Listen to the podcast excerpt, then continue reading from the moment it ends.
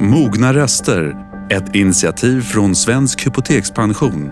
Podden som lyssnar in livet och möjligheterna efter 60 med Marianne Rundström.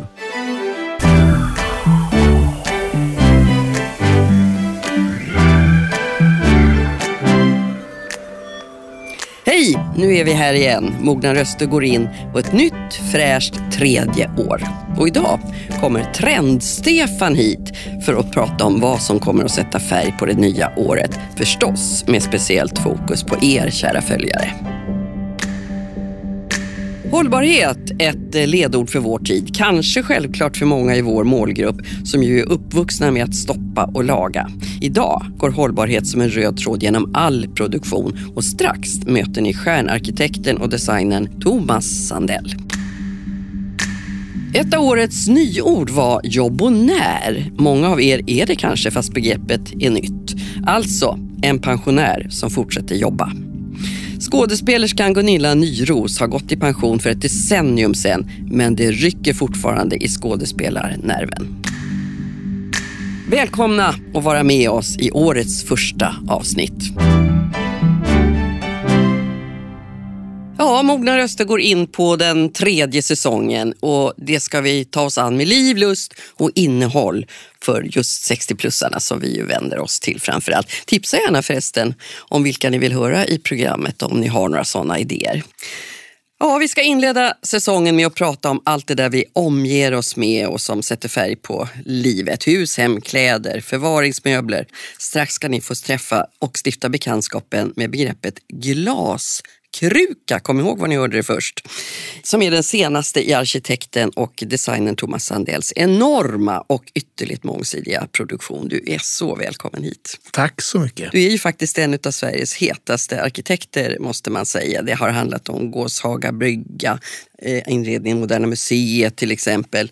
Eh, ja, vi kan hålla på Stockholmsbörsen, vi kan hålla på hur mycket som helst förutom mm. allt annat du gör i en väldigt bred produktion. Mm. Men därför blev jag lite förvånad när jag gick in på din eh, hemsida. Och där frontade du med pepparkakshus. Ja, nej men, nej men jag tycker liksom alla sådana här upp, uppdrag man får, så jag, jag brukar alltid säga ja till det mesta. Mm. Och då var det någon som frågade mig, eller en företag som frågade mig om jag ville göra årets pepparkakshus. Ja, varför inte? Mm. Och din arkitektbyrå vann den här till som är alltså, finns utställd på Statens centrum för eh, arkitektur och design. Ja, Där är det årligen. Ja en sån utställning. Ja. Det får man verkligen gratulera till. Ja, tack för det. För konkurrensen är mördande kan jag säga. Ja, ja, ja. ja, det är en stark tradition i min familj att vi går dit och tittar och numera går jag dit med storögda ja. barnbarn som då tycker att vi ska gå hem och göra samma sak som en del är ju verkligen fantastiska konstverk. Men vad är utmaningen för dig som gör såna enorma Ja, nej men alltså det här är, det är ett nytt material och det är, man måste, det måste man, så får man liksom googla runt lite och titta hur gör man pepparkakshus och eh, men som alltid när man gör ett sånt här eh, så måste man ju då lera sig med någon som verkligen kan. Och då lirade jag ju mig med, med Tea som ju är eh, kock. Så att hon gjorde den, det här. Hjälpte mig helt mm. enkelt. Har du ätit upp det? Nej, men jag, jag, jag, jag tror att jag, åt nog lite grann av någon av de här, alla de som inte blev så bra. Mm, Vilket ja. är ganska många. Det, det är det vanliga när man gör ett, ett sån här projekt att det blir massa prototyper och det blir en massa test. Och just i det här fallet, eftersom det var goda pepparkaksbitar så kunde man mumsa i sig de där. Och där känner vi många utav oss igen oss i det där. Alla dessa kraschade hus som aldrig höll ihop. Eller ett annat sätt att betrakta hållbarheten kan man ja, säga exakt. som annars är...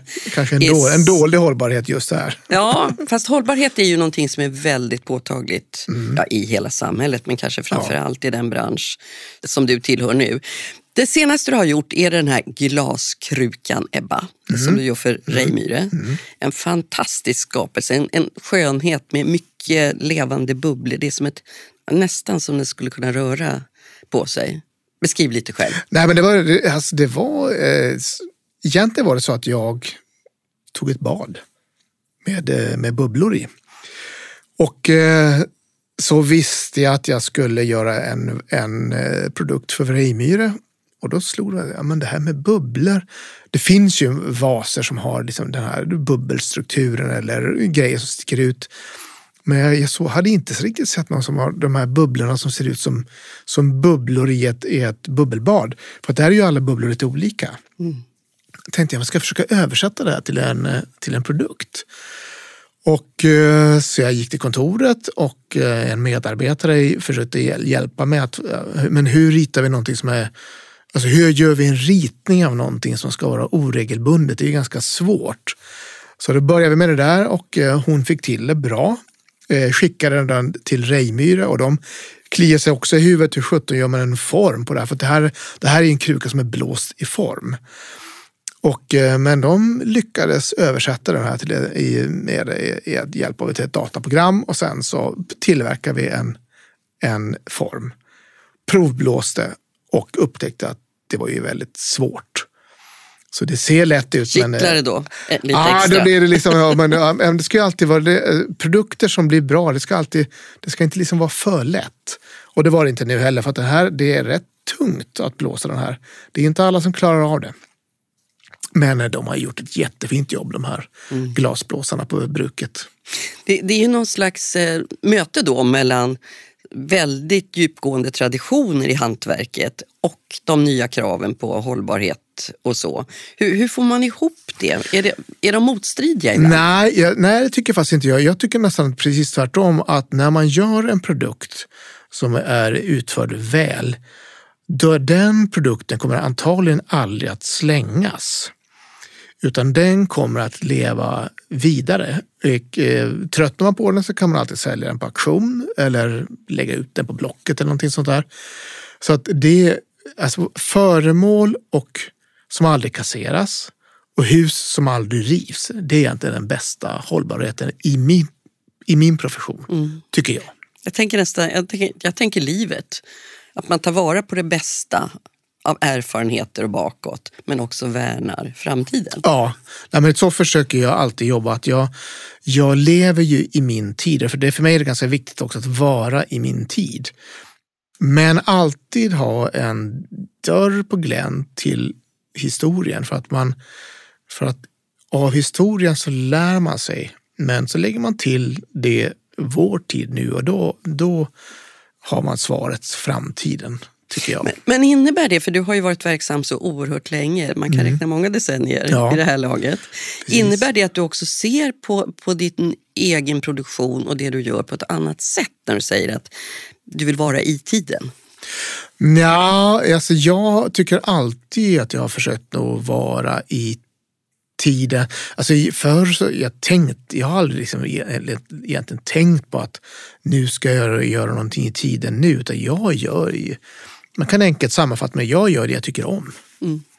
Det är liksom, jag försöker inte liksom förhålla sig till någon viss stil, eller, utan jag gör, jag gör det jag känner för. Tycker att, ja, och då, då tror jag att jag verkar i min tid. Och Reimyre glasbruk, det är ju inget nytt för dig. Nej, jag jobbade fast med dem redan 1998. Jag gjorde en kruka till eh, när jag gjorde inredningen just i Moderna Museet. Så, så kom jag på att jag ville faktiskt ha en kruka. Och då tänkte jag att jag kan prova att göra den i glas. Då kontaktade jag Reimyre och de hjälpte mig då med att göra en kru kruka som heter Louise. Och den krukan fanns i produktion i några år.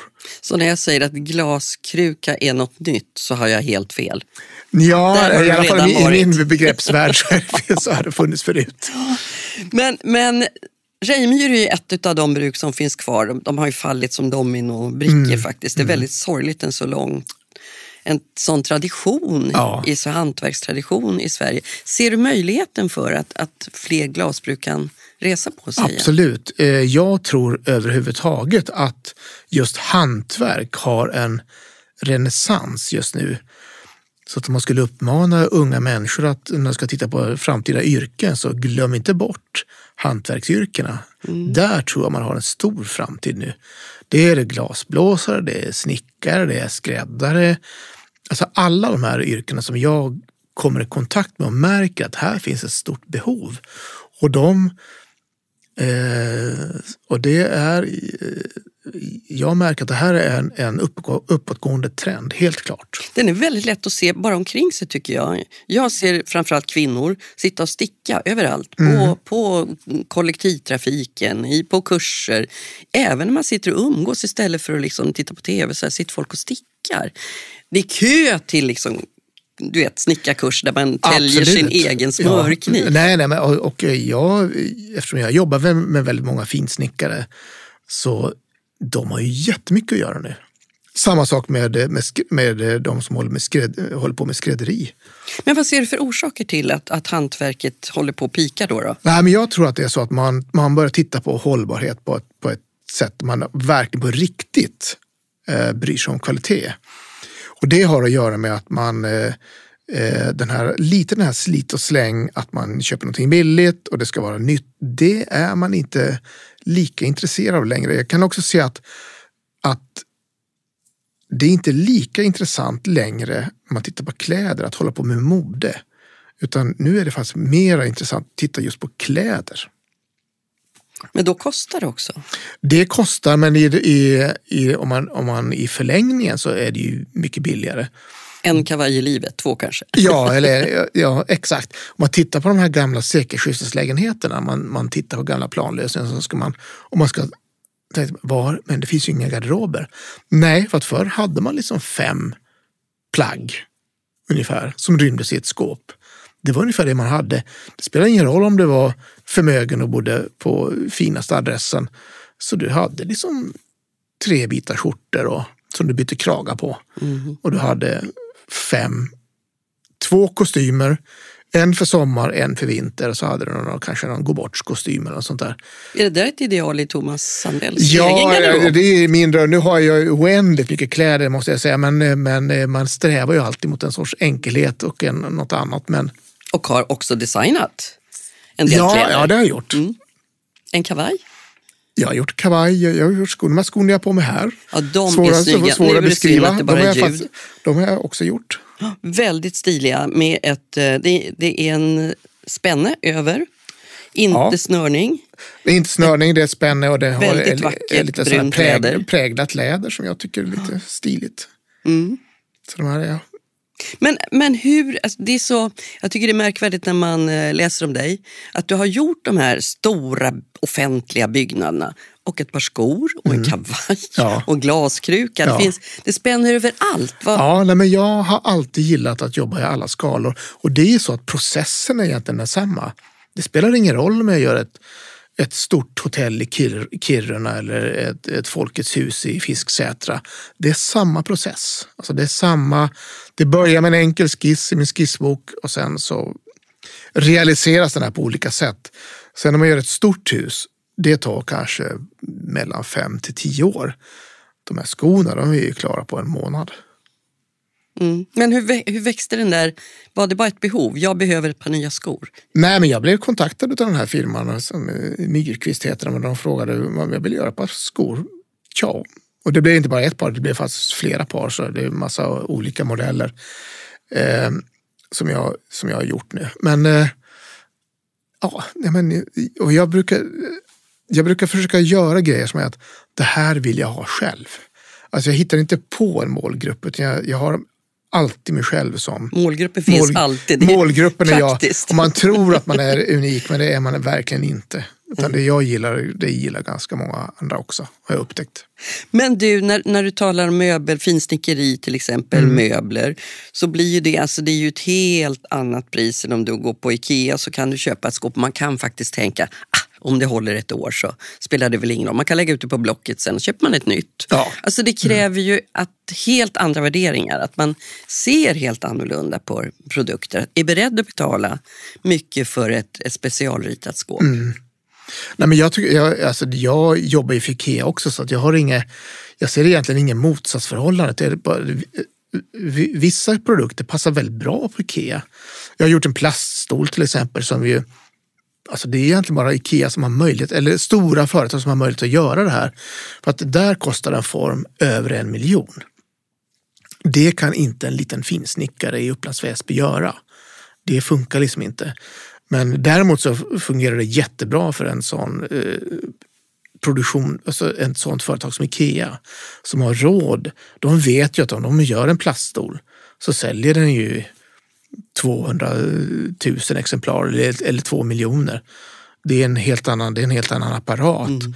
Och därför så, så tycker jag att det egentligen att det är lika kul att jobba för Ikea som att jobba för ett finsnickeri. Mm. Men ser du trender i samhället på att det här kommer, håller på att förändras? Eller handlar det delvis om att du har kommit upp i just en mogen no, ålder nej, tror... och att den publiken som lyssnar på oss, som ja, är 60 plus, ja, jag... kanske både har möjligheterna och... Dels, förstås är det, är det så också, men jag ser också att det finns ju ett jätteintresse för second hand-butiker. Det finns ett, de här auktionssajterna. Har ju, det går ju jättebra för dem. När de säljer grejer. Eh, och det behöver inte vara... Eh, jag tittade faktiskt i morse på ett eh, gammalt en gammal ritningsskåp, ritningshurtsar som arkitekter hade förr. Jag kommer ihåg vad de kostade, de var jättedyra. Vilket man förstår, för att det är ju massa lådor och det är, massa hantverk att få ihop en sån där. Och det, det såldes nu på på en, en av de här auktionssajterna. Tusen kronor. Mm. Jag menar, du får ju inte en vettig möbel på Ikea heller för tusen kronor. Mm. Så det, det finns ju liksom, det, eh, man tittar på produkter, tycker jag, på ett helt annat sätt. Och vi tror att om, bara för att vi är äldre, att vi tänker annorlunda än vad unga människor är, gör. Det gör vi inte. Vi är ganska lika. Mm. Och till syvende, det finns ju cirklar där också, man den svenska hantverkstraditionen kommer tillbaks, fast kanske i ny tappning. Då ja. tänkte jag lite på det här dalahästskåpet som står mm. på Nationalmuseum ja, och som ja. bär din signatur. Ganska, ganska tufft och rufft på ett sätt. Trä, metall. Mm. Men så står eller sitter dalahästen på ett par ställen på den här. Mm. Eh, applicerad på ett sätt som nästan, jag tänkte nästan som kurbitsutsmyckning. Det gör man kanske bara för att det är en dalahäst, jag vet inte. Men hur, hur kom ett sånt skåp till? Ja, men det du har helt rätt för att det var så att jag eh, eh, jag, ville, jag gjorde det här skåpet. Det är, har en lucka i bly. Eh, det har en stomme i furu och jag ville måla den här, det här skåpet i lite traditionella färger, alltså dalafärger egentligen, med, med som var röda, svarta eller farublå eller eh, åt det hållet. Så vill jag också lägga till en sorts markering som talar om eh, en blinkning till historien. Då ville jag faktiskt göra kurbitsmålning först. Så jag ringde en sån här en kurbitsmålare i Dalarna och sa att Hej, jag heter Thomas och jag skulle vilja att du skulle måla en slinga på, på mitt skåp. Det var absolut inte aktuellt. För att det, skulle man, alltså det har en, en tradition av att man skulle göra på ett visst mm. sätt och skåpet skulle följa, följa, tra, följa traditionen. Exakt. Och då, eh, då gjorde jag plan B. Då gick jag ner till, till eh, slöjd, hand, eh, slöjd, fre, slöjdaffären och tog fram en, hittade en dalahäst, kapade den på mitten och limmade på med kontakt, ja. kontaktlim. Och eh, ja, så gick det till. Så att, eh, Men det, var, det var egentligen plan B. Det finns väl ingenting som symboliserar svenskt hantverk så mycket som just dalahästen nej, kanske. Det nej. finns i vartenda hem och hur många såriga fingrar har inte suttit och tält en egen Exakt, dalahäst. Egen, egen, egen Men innan vi lämnar det här med hypen för, för hantverket som börjar synas allt tydligare. Mm. Alltså är det bara en hype eller tror du att det är, händer någonting långsiktigt? Äh, men jag tror att det kommer att hända långsiktigt, men som alla trender så kommer det naturligtvis att brytas så småningom. Men just nu så är den ju i, i ett tidigt skede. Och det här, det här kommer ju bara bli starkare och starkare. Så att, eh, så att nu, nu har Alltså jag tror också att, jag märker också i min, i min profession som arkitekt att intresset för byggnader som lever länge, alltså som inte rivs, är så mycket större nu än vad de varit tidigare. Du bor själv inne i stan, ja. lever sedan länge, länge tillsammans med designen, kläddesignern Anna Holtblad. Ja. Och ni har det där dubbelboendet, ni bor i stan mm. och ni bor i, i skärgården. Ja. Hur tänker du kring att, att bo ja, men i det, 60 plus nej, men ja, ja, det, det, det tycker jag är en variant, att man bor eh, både i stan och ute, ute på, i vårt fall, en skärgårdsö. Jag tycker att det är den ultimata kombinationen. Man vill vara i stan eh, och uppleva liksom pulsen och närheten till restauranger. Och enkelheten i att, att eh, träffa, träffa kompisar. Och, eh, men skärgårdslivet är ju fantastiskt, men kanske inte i januari. Det kommer inte, Det så många, det kommer inte då. så många kompisar att hälsa på i januari. Så att den här dub, dubbelheten tycker jag den passar oss väldigt, väldigt bra. Mm. Men jag har ju märkt att i, i, skärgården när man var ute på, på sena höstar och på vinter runt jul och sådär.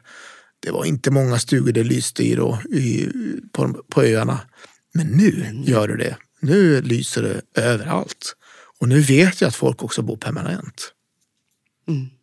Så det, det har ju också förändrats. Men också om man ska prata om det- bostads, det som händer i bostadsproduktionen nu, det är ju att, det, att för två år sedan, innan pandemin, så sa alla de här byggbolagen till oss att ja, men rita så många ettor ni kan, för att ettor blir vi alltid av med. De går alltid att hyra ut eller de går alltid att sälja. Men nu är det precis tvärtom. Nej, hörru du, inga ettor tack. Eh, det är för litet. Nu, ska vi, nu koncentrerar vi oss på tvåor och större. Och det är egentligen det nya att nu får vi beställningar från byggbolagen att rita stora lägenheter. Så två och en halver, fem, fem rum och kök. Så förut man kanske fick göra en eller två per hus för att det var, det var liksom inte kommersiellt gångbart att göra stora lägenheter. Men nu skriker folk efter stora lägenheter. Men de här lite äldre människorna som flyttar ut till mera permanent till sina sommarhus och kanske vill ha en övernattning i stan. Mm. Ja, det är kanske en två och en halva men inte större va? Nej, det, är- det är nog mera, de är nog, kan man säga, två, tvåa, trea. Mm.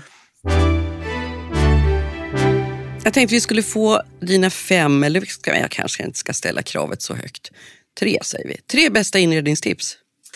Ja, eh, det är, eh, det finns, jag brukar alltid citera Josef Frank. Han hade en bra, eh, en bra, ju mer du ser av golvsockeln, desto bättre. Mm.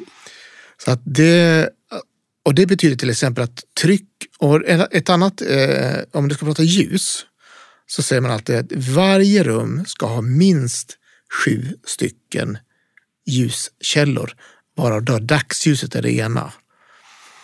Så att eh, det kan vara små lampor och eh, det kan vara ja, så sju stycken ljuskällor i varje rum.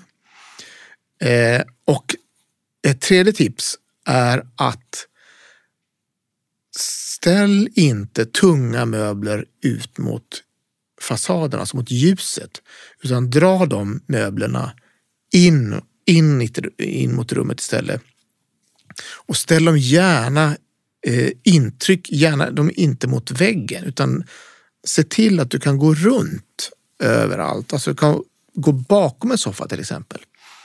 Det där är ju tvärt emot hur det ser ut i väldigt många, Ja. kanske de allra flesta hemmen. ja. Du, du har hållit på väldigt länge. Vad tror du kommer att påverka framtidens arkitektur allra mest? Nej, men eh, just nu är det ju uppenbart att det är hållbarhet som är i, i fokus. Nu börjar man ju tänka på hållbarhet på inte bara att det ska vara energisnålt utan det ska också eh, alltså under, under byggnadens levnad utan det ska också vara eh, energisnålt när du bygger. Det ska också vara hållbart på sånt sätt att byggnaden lever länge. Det tror jag är, just nu är, så är det ju, är det ju hållbarhet som är i fokus. Eh, och materialet trä som vi har hur mycket av som helst i Sverige, det vill man ju också använda i så stor utsträckning som möjligt. Så nu bygger man ju stora hus helt i trä. Det finns, ett, det finns ett kulturhus i Skellefteå som är 20 våningar högt. Det är byggt helt i trä. Det låter läskigt, men då ska det vara välbyggt. Ja, ja men det är välbyggt och det ser väldigt trevligt ut också. Ja, det är klart att det gör. Det förstår jag. Men det känns ju så här, 20, ja, 20 våningar upp. Eh, det finns ju också någon, alltså det talas väldigt mycket om arkitektur och där finns ett arkitektuppror Ja. som ropar mycket på att vi ska bygga som i Tyskland som går tillbaks väldigt mycket i historien i sina byggnationer. Och så, sen är det, det ska vara vackert. Vad är vackert? Ja, nej, men det är alltså, va, vi, vi, eh, vi eh, försöker tolka vår tid och göra det så vackert vi kan. Det är inte så att vi arkitekter medvetet tycker att vi ska bygga någonting fult, utan vi tycker att eh, det här tycker vi om just nu. Och man vet ju att det kommer att uppskattas i framtiden. För att man, man ska, det är en, jag tycker nästan att det är en skyldighet av oss arkitekter att vi ska verka i vår tid. Vi ska ta, vi ska, vi ska ta tillvara på den kunskap vi har just nu. Men hela tiden också titta, som jag sa tidigare, titta lite bakåt, lär oss av historien eh, men ut, utveckla den framåt. Men sen kan man säga om arkitekturupproret, ja, arkitekturupproret har ju rätt, men de har samtidigt väldigt fel. För att det, det de har rätt i, det är att det finns ett behov just nu av någonting annat. Man vill inte eh, nu generalisera att man ska stapla liksom lådor på varandra, utan man, man, vill, man vill någonting annat. Men då gör man det väldigt lätt för sig som arkitekturupproret att peka på en speciell specifik stil. Varför bygger ni inte som man gjorde 1895? Och säger att det är svaret, för det är inte svaret. Utan svaret är någonting annat. Och det har säkert att göra med en sorts mer human, mänsklig, kanske en mer organisk arkitektur. Eh, som vi, vi trevar ju, vi letar där. Men jag, jag ser ju, jag tycker mig ha svaret. Vart, hur, det, hur det kommer att visuellt se ut också. Men också att också bygga med kvalitet. För att man bygger med kvalitet, då appellerar man ju på, alltså folk är inte dumma, man, man känner ju att det här är bra. Mm. Det, här är, det här är på riktigt. Men också att det är väldigt lätt att säga nej. Det är att väldigt lätt att säga ja, någonting. ja, ja. Och det har vi sett ja. också när det gäller till exempel Nobelcentret. Ja. Du var själv inblandad i det här kallbadhuset. Då, som, som det blev Nobel till. Men jag tänker, mm. är det där någonting, ju äldre man blir, som finns inbyggt i vår natur? Vara emot förändringar? Ja, alltså vara, att, vara, eh, att våga säga ja, det kräver väldigt mycket mod. Eh, om du, svarar, om du säger ja till någonting så måste du alltid motivera varför tycker du så? Säger du nej, då räcker det med att du säger nej. Det blir inga följdfrågor på det. Utan du kan säga, ja det ser förfärligt ut. Eller Liljebackshus, eh, betonghuset här, det är hemskt. Putsa det rosa eller något sånt där. Alltså det, det kommer man alltid undan med. Men däremot om du vågar säga ja, det måste, då måste du stå upp för det. Då sluter vi cirkeln i det här lilla samtalet då, för du började med att säga jag är en sån som gillar att säga ja. Ja, jag tycker man ska säga ja i stor, stor utsträckning faktiskt. Så himla glad att du sa ja till den här lilla ja. pratstunden. Tack ja, jag, ska du jag ha. säger ja i framtiden också. Tack. Vi lyssnar på landets mogna röster.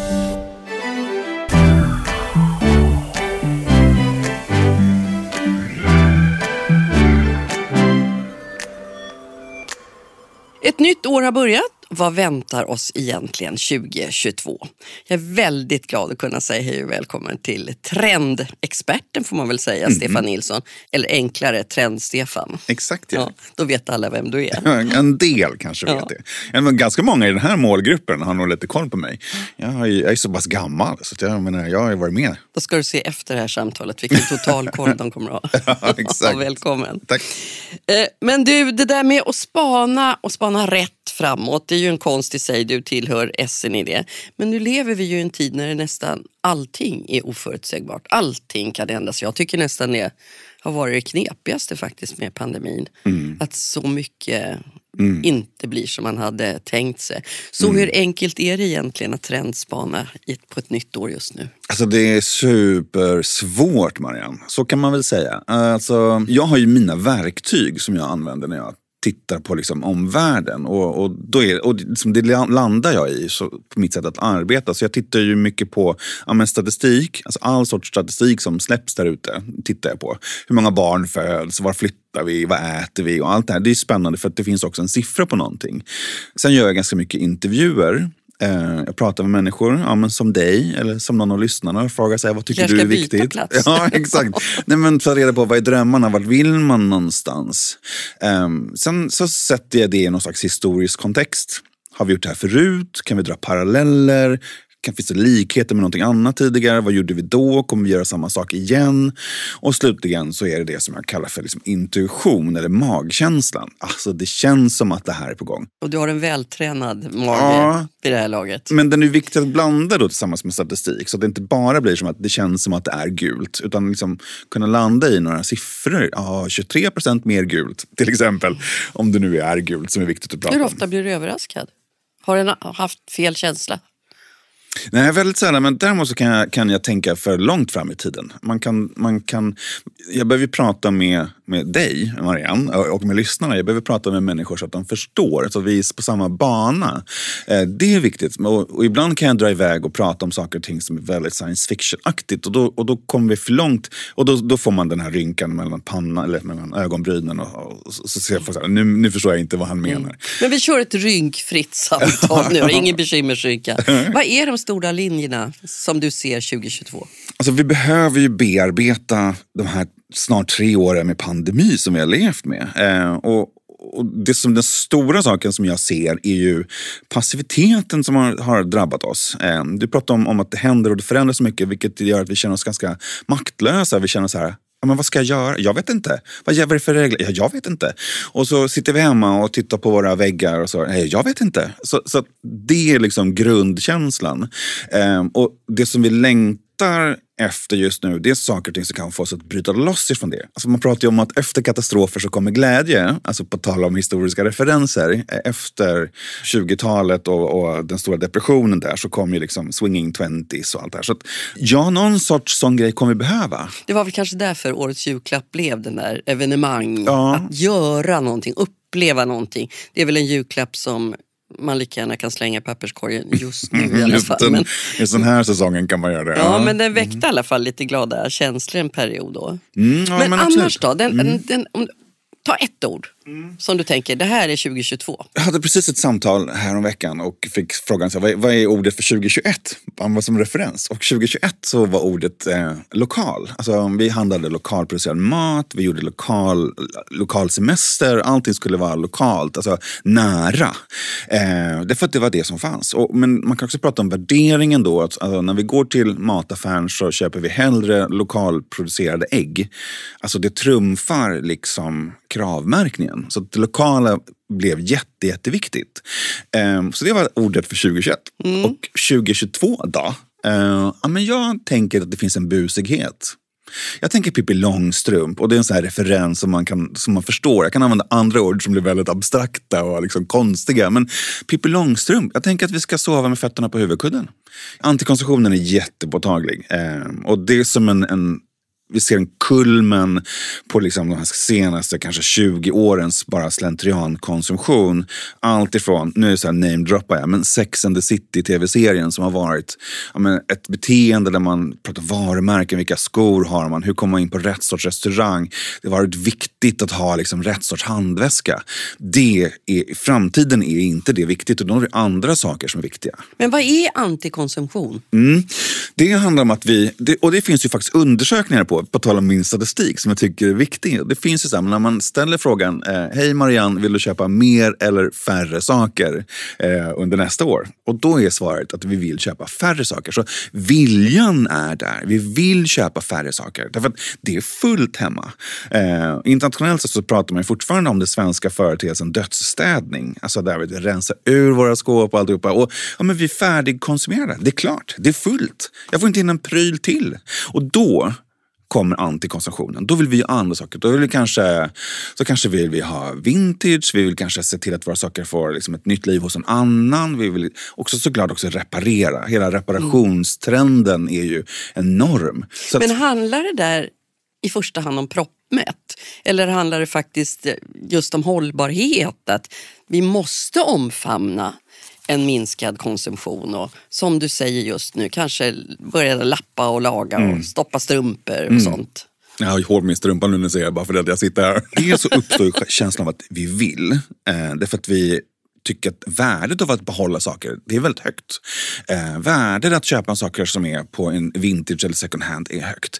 Eh, Men också så är vi medvetna om, om miljöfrågan. Absolut. Vi är trötta på att, att eh, köpa saker som förstör miljön. Tror du att, att just eh, Mogna Rösters målgrupp, 60 plus, är vi lite bättre på det där? För vi har ju faktiskt, vi är ju uppvuxna med att man lappade och lagade. Det, har, det finns i våra kroppar redan på något sätt. Att stoppa strumpor eller vad du vill. Du sparkar in en ganska ordentlig öppen dörr. Svaret är ja. Nej men det handlar ju såklart om en generationsfråga och där är ju liksom de senaste ja, men 20 åren en, en sån förändring. Alltså, Dagens ungdomar köper inte ett soffbord som ska hålla livet ut, utan man köper ett soffbord som är snyggt nu. Och, och den, den den, det är en generationsfråga. Och jag tror att vi kommer se nu att man vill ha saker och ting som håller livet ut. Eller, eller att soffbordet i alla fall håller jättemånga år. Men det kanske inte hos mig. Jag kanske kan sälja det på en second hand-marknad till någon annan. Så att bordet ska hålla, men kanske inte hos mig. Hänger du med vad jag tänker? Ja, så, så det är, men visst är det så att, att lappandet och lagandet är en, en generationsfråga. Det... Kan du stoppa strumpor? Nej. Sitter han och skäms jag, jag lite grann. kan faktiskt det tror jag. Men det är nog 30 år sedan jag gjorde det. Men jag kanske skulle kunna ta upp då kunskapen finns där någonstans. Men jag tänker också att det handlar ju om kunskap mycket. Om man nu ska lappa och laga och istället för att gå ner i grovsoporna med, med grejerna. Så, så handlar det ju om också ett, en kunskapsbank som man måste ha tillgång till i sådana fall, som inte alla har. Kan det här också innebära någon slags eh, utökad eh, efterfrågan på sådana tjänster? Absolut. Ja. Ehm, och, och, men det behövs också liksom entreprenörskap.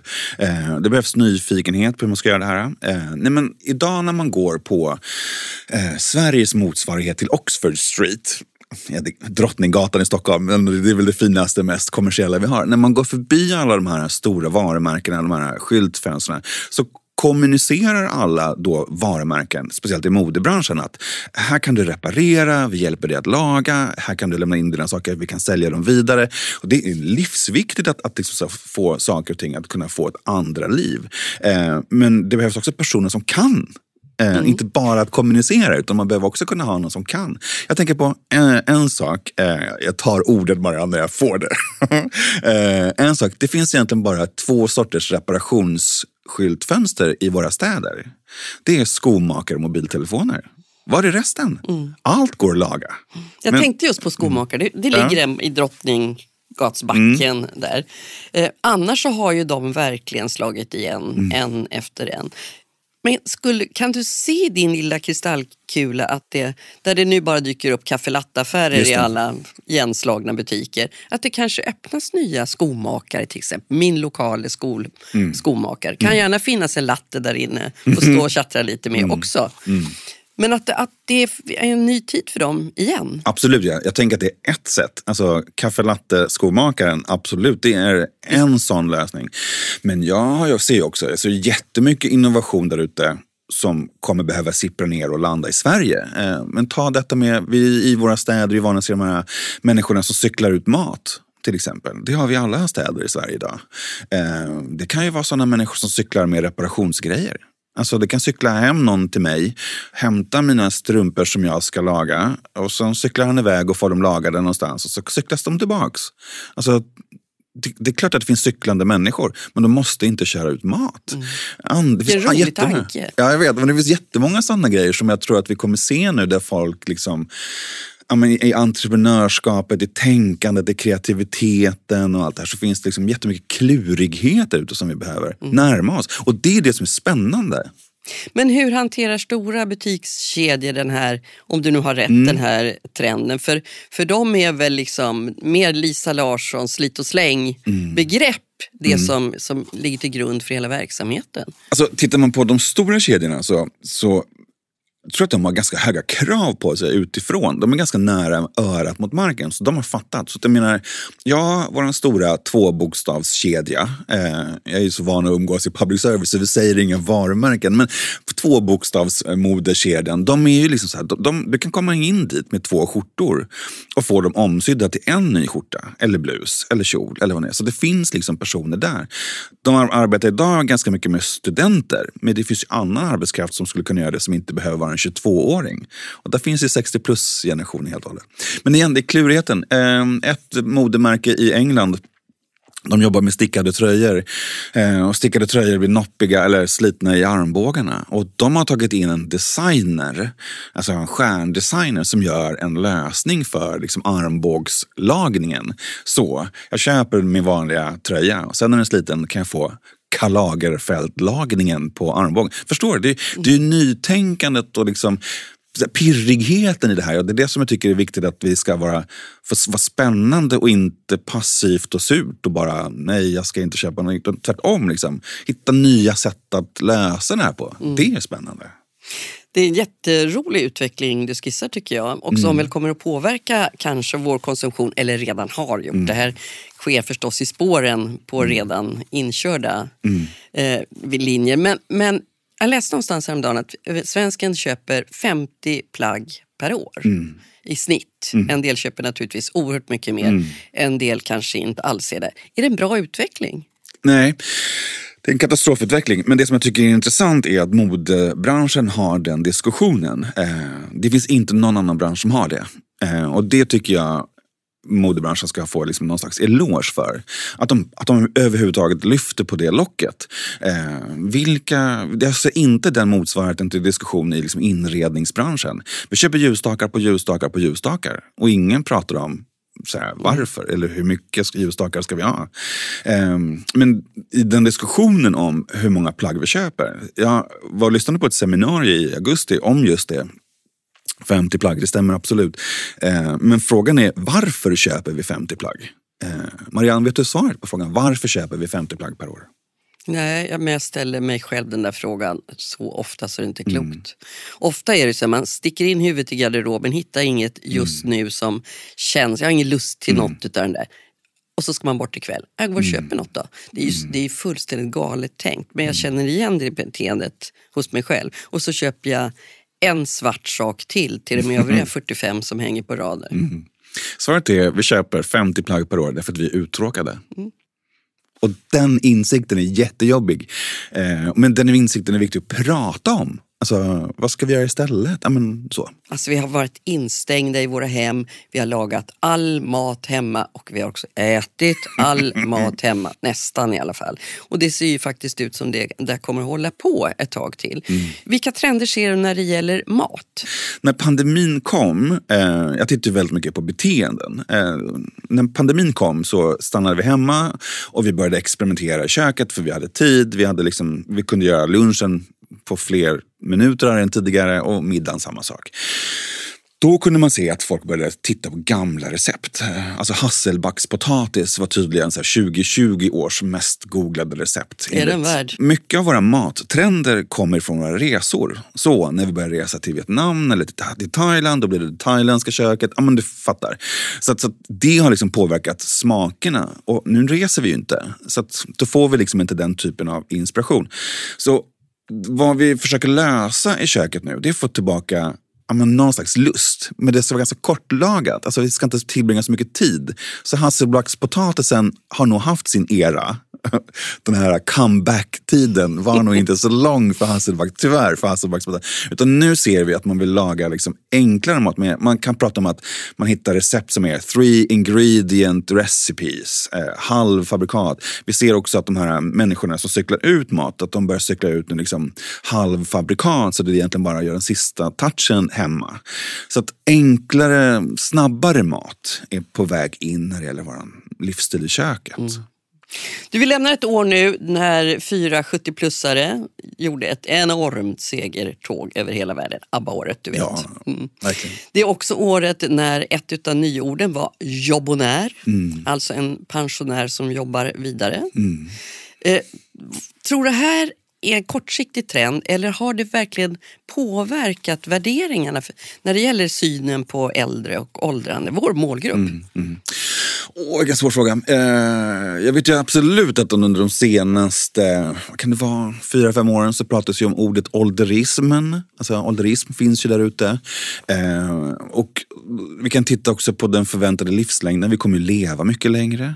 Jag tror att, att har man någonting att gå till, oavsett om det är en arbetsplats eller scouterna eller, eller kören eller vad man nu gör, så, så har man liksom någonting att göra. Det finns ett, så här, ett sammanhang. Så vi kommer absolut att aktivera oss. Sen om man jobbar och får betalt för att sjunga i kören eller, eller får betalt för att vara med i scouterna, det tror jag är en annan sak. Men aktiviteten, absolut, ja, det kommer vi göra. Mm. Så jobbonären kommer att trenda. Ja, verkligen. Nej, men jag tycker det är bara positivt. Jag tycker att vi ser... Vi, vi, vårt samhälle så pratar vi också väldigt mycket om att vi måste öppna upp för, för andra människor. Vi pratar om minoriteter, av olika, om etniska minoriteter, vi pratar om olika sorters minoriteter. Och Det handlar också om att, att vi öppnar upp för, den, för alla sorters människor. Och att vi behöver öppna upp för ja, 70-plussare, ABBA-artisterna. Vi behöver öppna upp för att det finns, att de också får jobba och har en plats i allas våra vardagsrum. Släpp fram ABBA, Ja. handla mindre, stoppa mer strumpor, ät mer hasselbackspotatis. Är vi klara? Absolut. Jag är med på det. Tack för att du kom. Tack.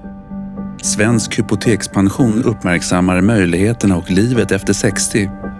Vi lyssnar på landets mogna röster.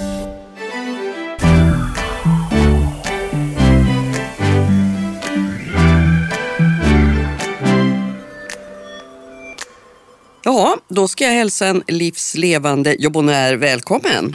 Det är 50 år sedan Gunilla Nyros gick ut scenskolan i Göteborg och sedan dess går rollerna på film, tv och scenen knappast att räkna.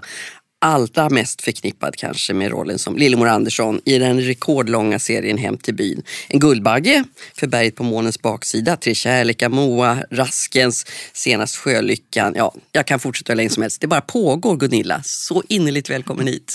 Tack så mycket. Är du en sån där jobbonär? Nej, det kan jag inte påstå. Fast eh, ja, det, då ljuger jag kanske. Jag har Ja, ganska mycket va? Ja, jag jobbar eh, jag jobbar om jag tycker att det är någonting som intresserar mig. Så jobbar jag. Så jag är in... Men jag trivs ganska bra med att eh, sova på morgonen och inte behöva gå till teatern på kvällen. Och eh, sköta min dag utan tider sådär. Men eh, det får gärna av, göras ett avbrott för ett intressant jobb då och då. Mm. Att ta livet i sin hand Ja. helt enkelt. Ja, Bestämma precis. själv. Så är det. Mm. Det, det. Det är skönt. Och några sådana där intressanta avbrott pågår ju faktiskt. Det handlar om Strindbergs intima teater till exempel. Och jag tyckte det var så roligt när vi pratade lite innan här. Så sa du att ja, och sen så håller jag på med ett regiuppdrag som jag ska göra i Göteborg om, om några år. Gäller att ha siktet framåt. Ja, ja, det är nästan det är en utmaning så där för mig själv. Inte någon stor utmaning, utan jag bara tänker så här, jag kan inte säga så här, nej, då är jag så gammal så då kan inte jag fungera. Det vet ju inte jag. Ja, min mamma blev 96, jag menar, så att eh, Bra gener. ja, ja det, det har jag faktiskt. Det kan väl vara kul. Om jag är vid, vid mina sinnen så, så tycker jag att det ska bli roligt.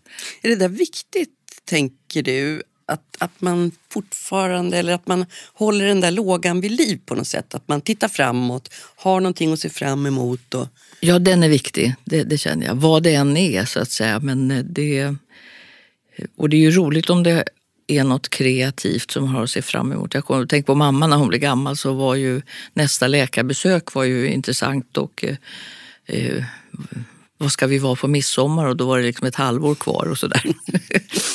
Men eh, nej, en, nå- någonting att tänka att där finns någonting. kan vara roligt. Nu räknade jag ju upp massor med roller som du har haft.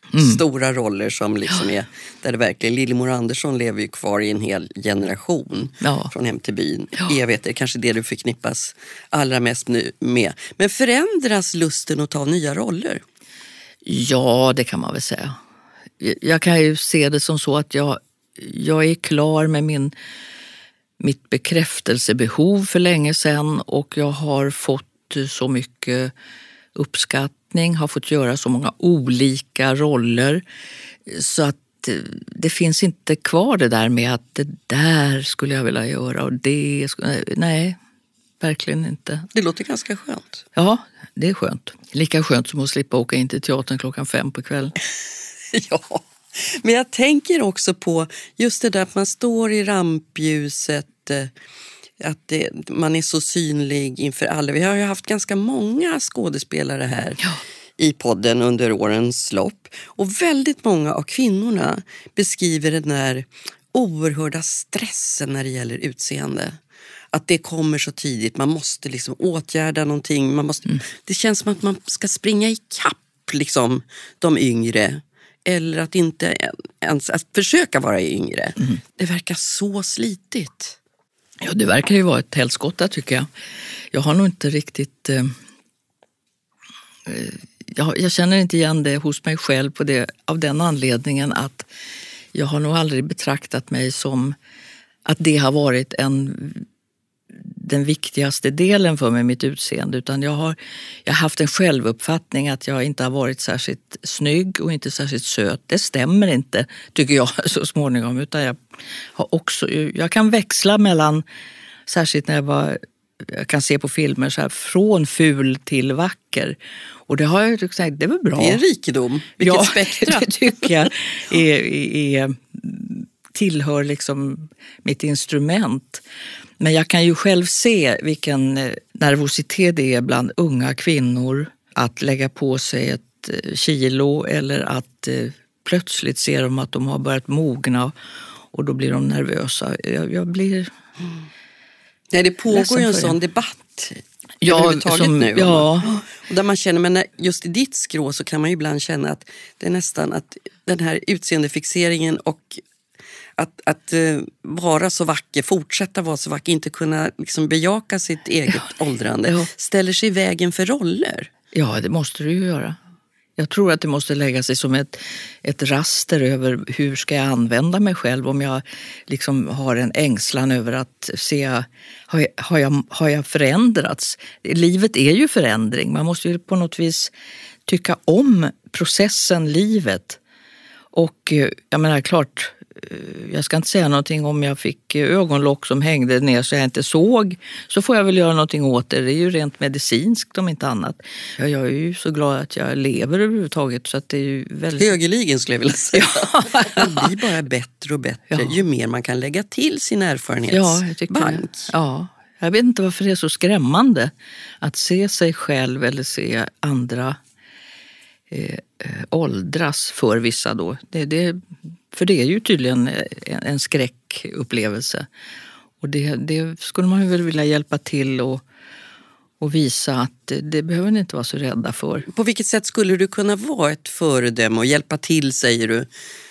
Genom att försöka vara mig själv och, eh, eh, och jobba på att jag verkligen tycker om mig själv då. För att om jag börjar se ut som att eh, jag visar mig bara från den sidan eller den eller jag ler hela tiden för då ser man ju lite yngre ut. Då, det, det, det, märker ju folk. Det, det känns ju av. Fast det är klart, det är ju en tuff bransch. Ja, på något sätt när man hela Ja. tiden står i den där blixtbelysningen. Och Och ska på ett sätt tror jag att den har blivit tuffare för att, och det har säkert att göra med den här långa perioden av ytlighet som, som har funnits. Liksom. Att ytan betyder oerhört mycket. Jag tyckte det var lite bättre när jag var yngre på något sätt. Men sen har jag tänkt på en sak att, eh, apropå roller som har försvunnit för äldre kvinnor. För eh, roller för gamla kvinnor som, som jag i filmer till exempel, de är ju väldigt ofta någon som eh, är till besvär eller sitter och, och gaggar i en rullstol eller är en jättejobbig granne eller något vittne som ligger död i ett dike. Alltså det, det, det är hela tiden någonting Så de där rollerna, ligga död i ett dike, det tackar jag nej till. Ja, verkligen. Både död och dike. Men, men jag tänkte på 40-talet när de här eh, filmerna fanns och när människor hade hembiträden. De där eh, Dagmar Ebbesen och eh, Julia Caesar-rollerna, de finns ju inte längre eftersom vi inte har den sortens kvinnor. Men de hade ju en jävla power. De var ju liksom... Eh, det var tryck på de där tanterna. Och, och var, var finns de nu i, i berättelsen om... eh, Jag menar inte att vi ska ha tillbaka hembiträden som eh, rumstrerar om, men att, att eh, gamla kvinnor fick ha en annan uppgift än att bara dö. Och, eh, och det fanns ju också eh, klassiska eller fina pjäser som Anouilh skrev om, med, med stora mm, grevinnor som tog, tog liksom över familjen och kom in och regerade. Som alltså som hade plats i historien och inte bara var en effekt i bakgrunden. Så att säga. Men du har ju gjort oerhört många starka kvinnoporträtt. ja, det har jag. Verkligen. Vad, vad håller du främst själv? Jag måste ju säga att eh, Berget på månens baksida var ju, Sonja Kowalewski var ju en fantastisk eh, Mm. Den fick kvinna. du en Guldbagge för. Ja, och det var jätteroligt. Men sen tyckte jag Moa var fantastisk att gå in i. Eh, jag tyckte också... Moa Moa Martinsson, den tänker jag väldigt mycket på när jag tänker på dig. Ja. Att det var en sån fantastisk tolkning utav henne. Ja, det var roligt. Ja. Det var roligt att få gö- göra en kvinna som man hade man pratade om som ett rivjärn och sen så tänkte jag ja, men det kan hon få vara till det yttre men hon är väl också något annat och då blev det roligt att göra det. Eh, nej, men sen sen har jag, spelade jag ju i många år Shirley Valentine på, på scen i monolog av Willy Russell. Och det var ju väldigt roligt. Och Timmarna med Rita. Det var väldigt avgörande. En sån där. Men då var jag ju yngre. Men jag var ändå nästan 40. Så att, Har de påverkat dig som kvinna, de här rollerna? Ja, vissa roller har, har verkligen gjort det. Eh, Timmarna med Rita var en sån här... Den drabbade mig nästan sådär. Jag såg den i England och så tänkte jag men det här, det här är vad jag vill berätta om. Och det är ju då en, en kvinna som vill skaffa sig valmöjligheter. Att inte bara hamna i där mamma och pappa har... Att liksom bara fortsätta in i, i samma historia, en arbetarklasshistoria. Utan ville skaffa sig utbildning och eh, bli då också ifrågasatt av sin bakgrund. Men eh, när hon väl sen har fått sin utbildning så är det inte det viktiga att bli akademiker utan det är att hon har, haft en, hon har valmöjligheter. Och sen får hon se vad hon gör. Och det, det där eh, klingade hos mig väldigt eh, starkt. Förmodligen för någonting som jag känner igen från min barndom då att jag ville ändra mitt, min, min historia. Och, eh, och det blev ju teatern då. Men jag tänker också att när, du- när du eh, beskriver ditt liv nu, eh, och nu blev ju hela teatern ligger och film, lig- det sker ju på sparlåga just nu, den ligger ju nästan nere just nu. Ja. Men även att du tog ett steg därifrån eh, och att det, det kanske, du, du gjorde det på eget initiativ. Att det där du beskriver nu med timmarna, meriterna, det Ja. präglar ju ditt liv nu också. Ja, Det är du som tar kommandot, som säger det. ja eller nej till saker. exakt. Och inte historien eller det som förväntas av en eller att man är, ska finna sig på sin... eh, Ja. Att, nej, växa och hitta sin egen kraft. Det, och det har ju varit flera roller som jag har hamnat i som handlar om det. Både nästa pjäs Shirley och eh, eh, Moa och Mm. Och även en film som heter Rusar i hans famn som också var en tuff eh, kvinna. Som, så att tuffa kvinnor har gjort och själv har jag varit jättefegis men eh, det har Jaså? varit... Ja, ja, Men har nej, inte de var- här rollerna givit dig råg i ryggen då? Ja, nej, det var, på- var på något vis... eh, Det kanske de gjorde utan jag tänkte på det. Moa vet jag att när jag gjorde den så, så betedde jag mig lite annorlunda hemma. Jag sa ifrån lite mer.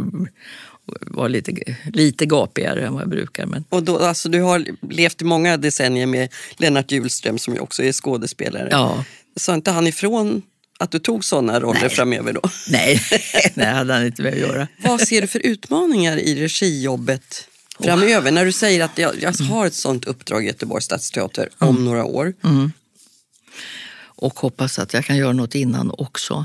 Men eh, det har varit från första gången jag började med regi och det var väl för en 25 år sedan eh, drygt. Då, då kände jag att jag, jag använde andra sidor av mig själv. Jag var, blev eh, säkrare på ett sätt. Inte säker så att jag liksom sprang omkring och nu är jag regissör och nu ska ni lyssna på mig. Utan jag, jag, jag, jag älskar det här med att få hjälpa människor att hitta sig själv, hitta sin, sin inre kraft. Och det har jag då kanske då gestaltat i roller, men också att kunna eh, vara med om att få människor att tro på sig själva.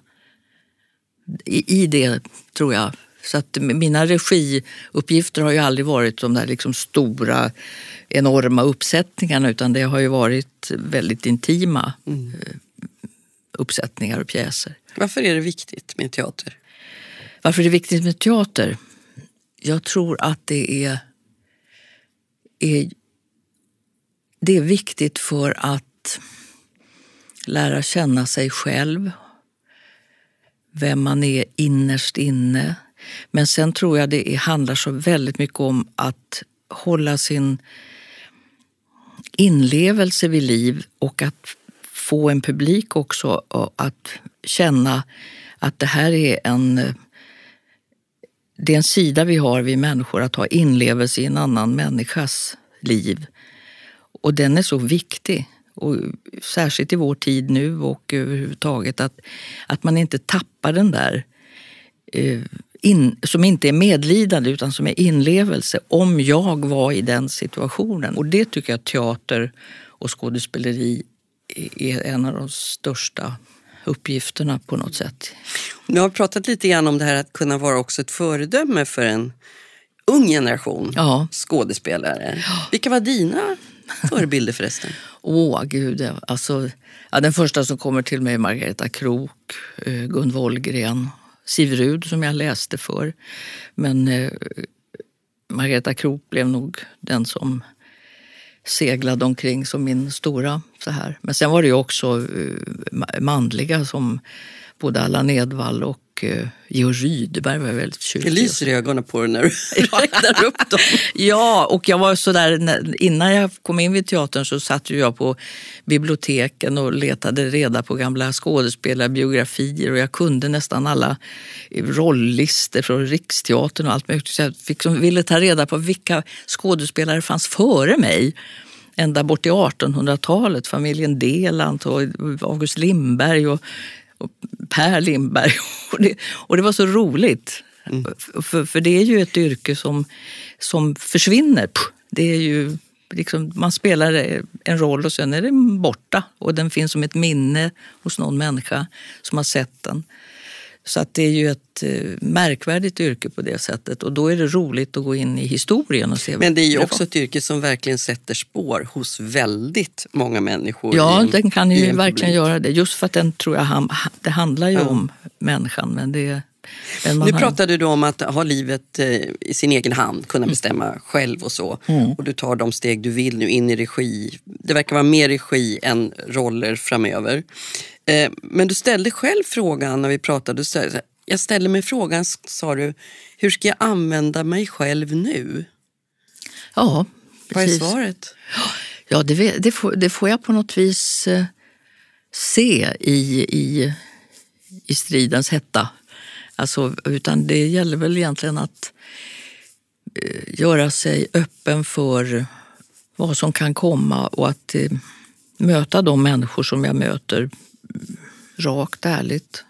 Det är ju det där som att, att hoppa, som man säger i när man jobbar med, med skådespeleri. Man jobbar och jobbar, repeterar, repeterar. Man kan inte liksom bara stå och dra texten precis innan man ska in utan man måste bara släppa allting och hoppa, gå in. Och det är väl så, samma som eh, även då med regi. Alltså man gör ju en massa förberedelser men när man sen ska till skott så, så är det ju bara att släppa och lita till sig själv och att man är närvarande. Och... Jag tycker du beskriver en livshållning. Ja, så är det ju. Tack för det. det var väldigt roligt att du kom till oss. Ja, vad roligt. Tack snälla Gunilla. Tack och det var roligt att vara här. Ja, då är vi igång. Kanske märkte ni lite nytt. Mogna röster kommer i fortsättningen den sista fredagen i månaden. Så vi hörs igen den 25 februari. Då gästas vi bland annat av Tommy Körberg. Har ni frågor till honom, hör av er då till podden at hypotekspension.se. Producent idag har varit Jesper Tillberg, ljudtekniker Carl-Johan Strandberg och initiativtagare Svensk Hypotekspension.